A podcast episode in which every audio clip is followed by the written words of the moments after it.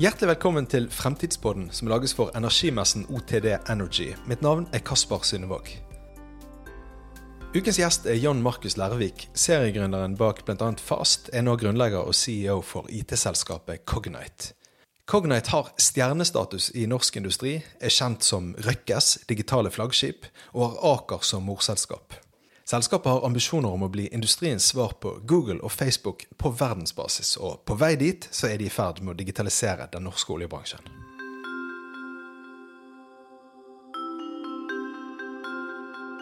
Hei og velkommen til deg, John Markus Lærvik. Takk for det. Du er CEO og grunnlegger av Cognite, selskap det knyttes store forventninger til. Du eh, startet i 2016, og da var målet i hvert fall i første omgang å satse inn mot oljebransjen. Hvilket potensial var det du så da?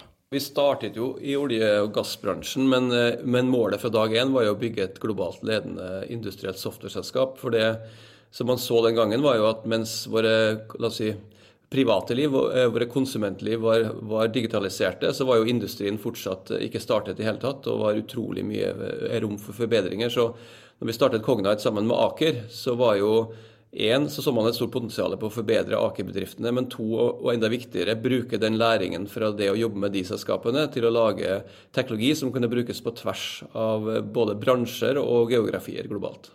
Dere i Cognite jobber mye med IOT, altså Internet of Things, på et industrielt nivå. Kan du fortelle litt om hva det vil si i praksis? For å, å koble det mot, mot, våre personlige liv, så har vi jo der nå tilgang på all informasjon, alle data, alt vi trenger egentlig gjennom en mobiltelefon, smarttelefon.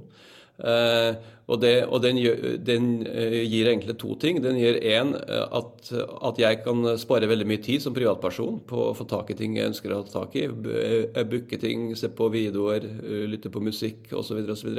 Men to, det gjør også forretningsmodellene mellom meg og og de konsumentselskapene med Spotify, Netflix eller andre mye lettere også. Hvis du derimot går til industri, så er industrien veldig gammeldags eh, på det viset. Det er vanskelig å få tak i informasjon. Det, sitter, det informasjon sitter ofte i forskjellige datasystemer. Både tradisjonelle systemer, altså IT-systemer, men også de operasjonelle industrielle systemene som ofte kalles OT-systemer. F.eks. sensorverdier og, og andre ting. Det som vi så, var at for å løse eh, si, digitalisering for industrien skikkelig, så måtte man, måtte man, måtte man løse det IT-OT-dataproblemet. Også kunne koble data fra IT-systemene og OT-systemene og lage en enhetlig, enkel forståelse. Slik at eh, både mennesker kan ta bedre beslutninger basert på den enhetlige forståelsen, og også begynne å bruke mer avanserte algoritmer, det som ofte nå kalles kunstig intelligens, eller AI, eh, for å kunne optimalisere og over tid automatisere industrien. Betyr det at dere samler inn store mengder data? Da kan bruke det til å analysere også behov for selskaper på tvers av hverandre? Nei, så Hovedpoenget vårt er jo å hjelpe det enkelte selskap bli bedre. Dataene finnes jo allerede i veldig stor grad. Ja. Problemet er bare at de dataene ligger i forskjellige systemer, forskjellige systemsiloer, om du vil. da, Og de er ikke koblet sammen. Så det vi gjør, er jo egentlig å hjelpe selskapene. F.eks. Aker BP eller BP eller Exxon eller Statnett, for å ta innenfor en annen bransje og, og, og, sette sammen dataene som allerede finnes der, på en enkel og god måte, slik at man raskere kan ta beslutninger og begynne å optimalisere hvordan man drifter de industrielle anleggene. Ja, akkurat. Hvis vi ser litt sånn uh, generelt og forbi Cognite også, eh, hva vil du si status for, er for digitalisering i den norske oljebransjen i dag? Jeg vil si Status for uh, digitalisering i industri generelt globalt vi er kanskje 10-20% down the road. Eh, så, eh, sånn at Olje- og gassbransjen er ikke noe bak, kanskje heller til og med foran på noen områder, men det er fortsatt veldig mye å ta tak i. Men det som er fint nå, er at man begynner å forstå verdien av data. Man begynner å forstå at man må, må få ta kontroll på dataene og tilgjengeliggjøre både for mennesker og maskiner, om du vil, på en effektiv og god måte. Så der er, har man kommet mye mye eh, lenger i løpet av de siste fire årene. Og enda viktigere, kanskje, man man skal, man begynner å forstå hvordan man skal ta ut verdi av data. For eksempel, redusere miljøavtrykk ved å analysere energiforbruk på en fabrikk f.eks., eller på en oljeplattform, slik at man kan eh, da med andre ord også re redusere CO2 eh, innen fotavtrykket. Eh, man kan begynne å eh, gjøre jobbene sikrere og mer nøyaktig for mennesker ved å tilgjengeliggjøre informasjon når jeg gjør vedlikehold, f.eks. gjennom en mobilenhet i stedet for å, å penne papir. Ehm, og, og, I noen tilfeller så ser man også at industrielle selskaper begynner å samarbeide. som du sier, det at Man ønsker å dele data på tvers av selskapene, men også kanskje enda viktigere med underleverandørene. For det her er kjempemulighet for norsk leverandørindustri, er å kunne koble seg mer direkte på kundene sine, altså operatørene i tilfellet her, og begynne å dele data der, slik at det jeg leverer som underleverandør, er mer kan du si, direkte koblet mot driften og, og, og, og sikkerheten og ytelsen til, til driften. Snakker vi da primært om utvikling og vedlikehold, kanskje? Hva er de beste eksemplene? Det er jo noen veldig enkle eksempler. Det er jo F.eks. Eh, sånn som Equinor gjør eh, hvis de skal gjøre vedlikehold på, eh, på oljeplattformene sine. Det er klart at hvis de da, Så har de underleverandører som kommer inn og gjør vedlikehold eller inspeksjon. Hvis de kan ha tilgang til samme informasjon, samme data, når de gjør vedlikehold på på den oljeplattformen, så vil man eh, både kunne gjøre jobben mer effektivt, og man kan også gjøre den mer feilfri, om du vil. Fordi at man har eh, samtidstilgang på data eh, fra systemene som man gjør inspeksjon og vedlikehold på. Et annet eksempel er jo Aker BP, ligger veldig langt framme her.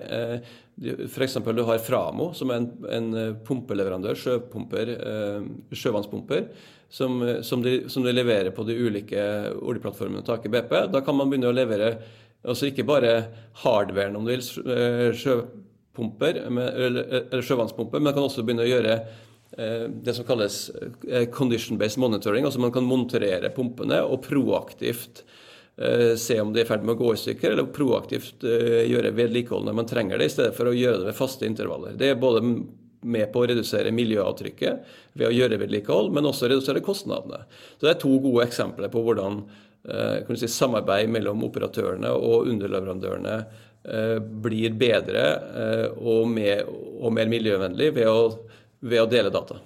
Ja, for Da vi intervjuet uh, Karl Jonny Hersvik fra Aker BP tidligere i denne podkasten, i en tidligere episode, så sa han at veldig mye i norsk oljebransje da handlet tidligere om større, lengre å bryte barrierer og gjøre ting større. At nå handler det i tiden fremover mener han i større grad om å gjøre ting mer kostnadseffektiv og med lavere karbonutslipp. Og Det er også litt det samme du er inne på nå.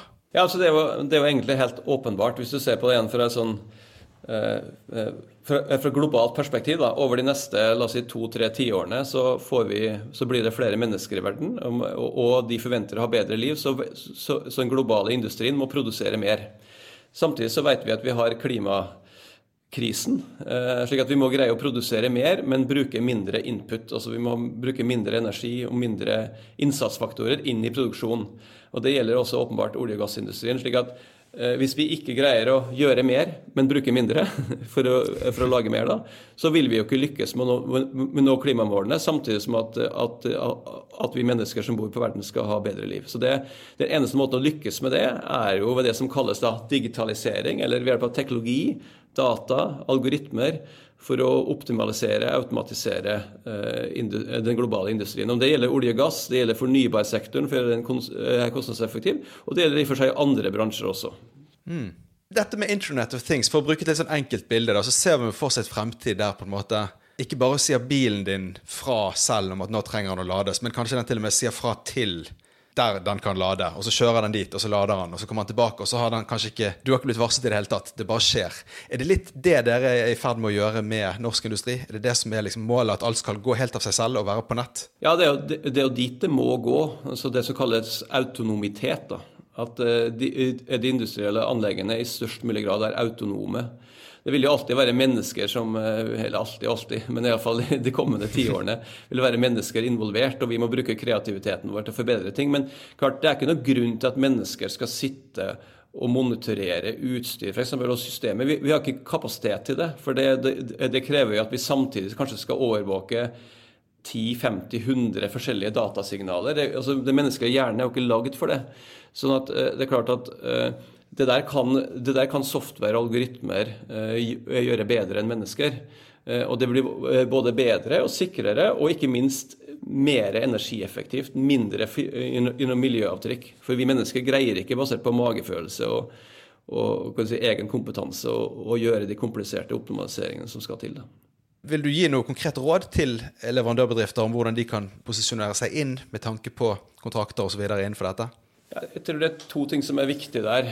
Det er klart, det ene er jo, og, og det er ikke nødvendigvis så lett, men det er å greie å finne seg kunder, da, operatører, som, som er, som er framtidsretta og ønsker å jobbe med leverandører på en god måte, i samarbeid. Ikke bare en transaksjonell relasjon, men at man, er man sammen spiller hverandre gode og har forretningsmodeller som understøtter det. Så Det er jo det ene. Og det, og det tenker jeg også en, en, et, er viktig for operatørene. De må også være med å forbedre leverandørindustrien, slik at, at leverandørene kan bli bedre. Eh, faktisk. Og det, og det, ser jo selskaper som Aker BP er langt framme. Equinor er på vei framover også, så jeg tror det er en god trend der. Og det andre er jo at man da eh, som leverandørbedrift også evner å eh, si, reinvent yourself. Du må greie å se det at de måtene, den forretningsmodellen man har hatt før, den måten man har levert produkter og tjenester på, må fornyes og bli mye mer uh, aligned da, med, med, forretningsmodellen og suksess til kunden også. Eh, slik at Man kan ikke lenger legge opp til at man har timebasert leveranser av alt man gjør, eh, men, men derimot mye mer si, ytelses- eller performance-baserte modeller. Da, der det man leverer, eh, er, er, gir suksess for operatøren, samtidig som at man får betalt for den, for den, for den, for den suksessen man er med på å skape for operatøren. Da. Vi nevnte big data i starten, men hvis vi snakker litt mer om det nå, kan du fortelle litt om, om hva det har å si i dag, og hva det vil ha å si i tiden fremover for norsk industri? To-tre viktige punkter her. Så kan si, eh, Big data ble jo eh, oppfunnet fra konsumentverdenen igjen. Der var veldig mye data som ble samlet inn om hva vi mennesker ser på, hva vi søker etter, hva vi klikker på av annonser, hva vi kjøper osv. Og, og, gjennom det ble det lagd veldig mye god eh, software, og også en god del eh, kan du si, maskinlæring eller kunstig intelligens-algoritmer. Eh, et, et, veldig godt eksempel på det er jo, en, er jo ansiktsgjenkjenning. At Facebook er i stand til å kjenne igjen ansikter, for de har jo flere milliarder bilder av mennesker. og da kan du, da, og, og, da kan du lage en, en ansiktsgjenkjenning-algoritme som, som, gjenkjenner det enkelte personen, om de ønsker det, f.eks. Så det så, så er et eksempel på hvordan man har big data, altså veldig mange bilder, og gjør, og gjør algoritmer, sånn kunstig intelligens-algoritmer på det for å gjenkjenne eh, ansikter. Når du kommer inn i industri, så tror jo da veldig mange at nå kan vi bare ta de samme algoritmene og ta de i bruk på industri, eh, for der er det også mye data. Men det er ikke så lett. Ehm, og det ser vi, det er mange Silicon Valley-selskaper som har prøvd seg på det og feila.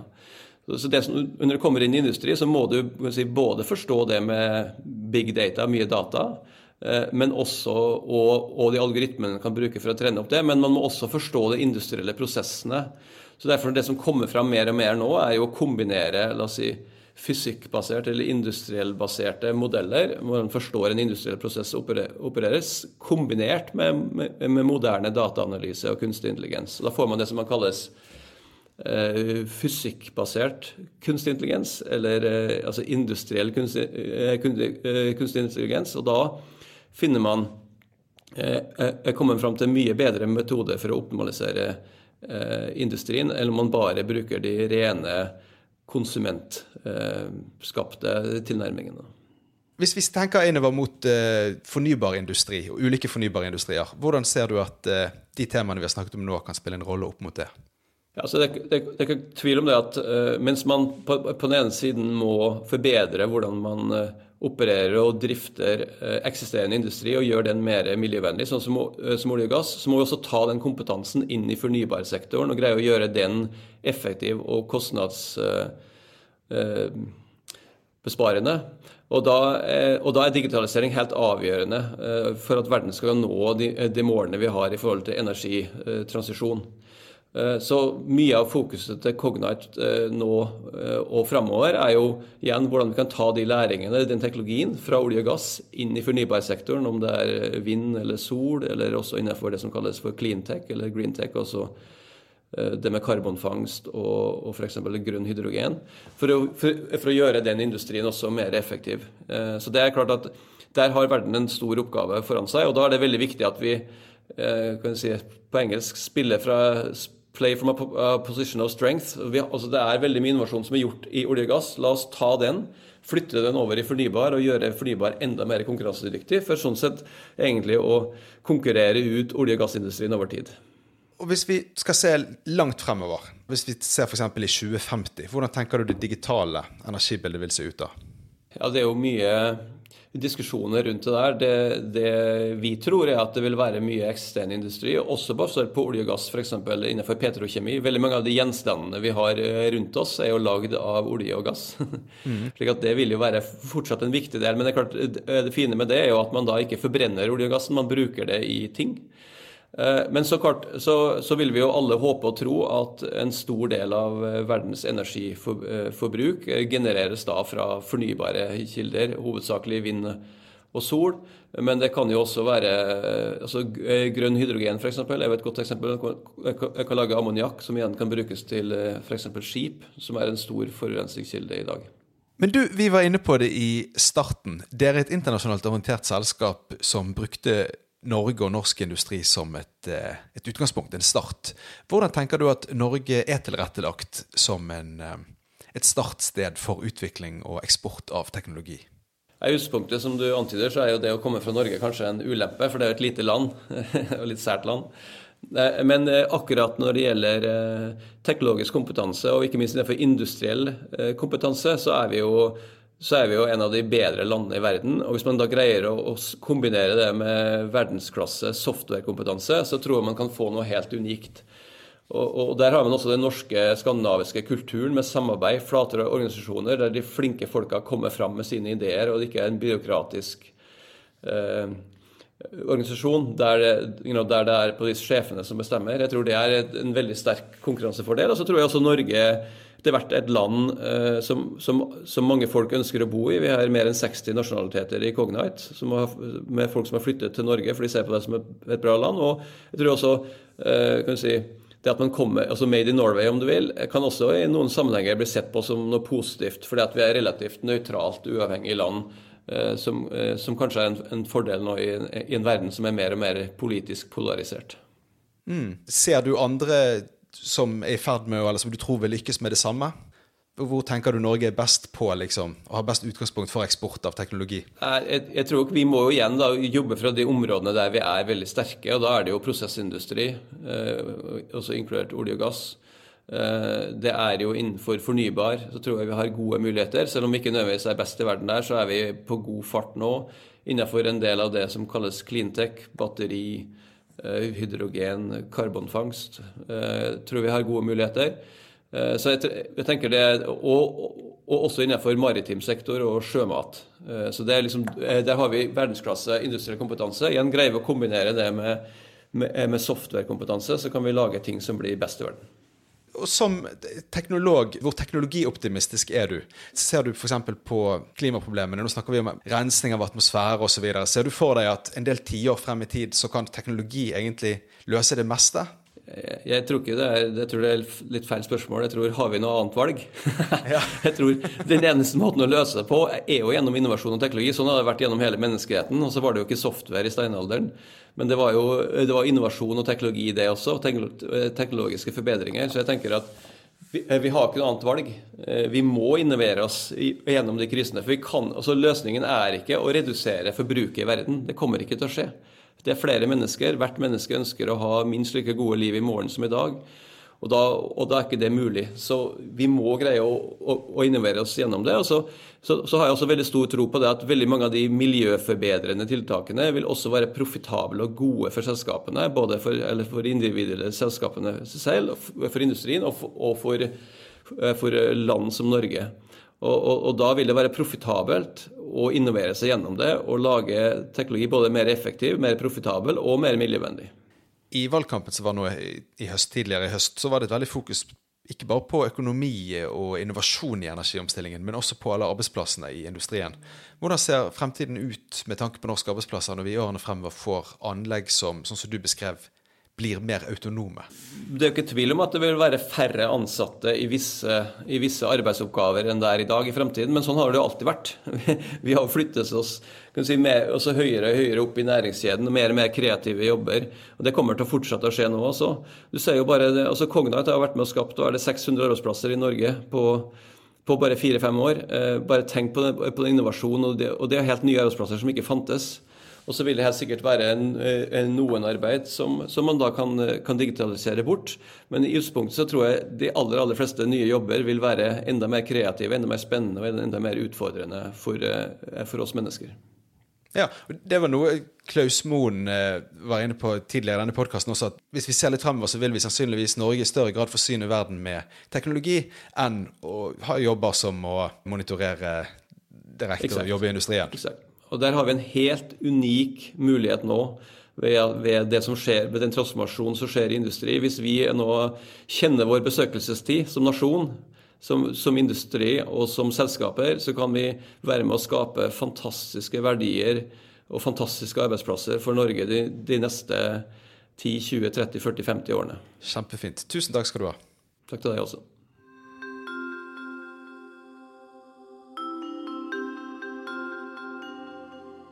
Fremtidspodden er produsert på oppdrag for OTD Energy i samarbeid med Innovasjon Norge.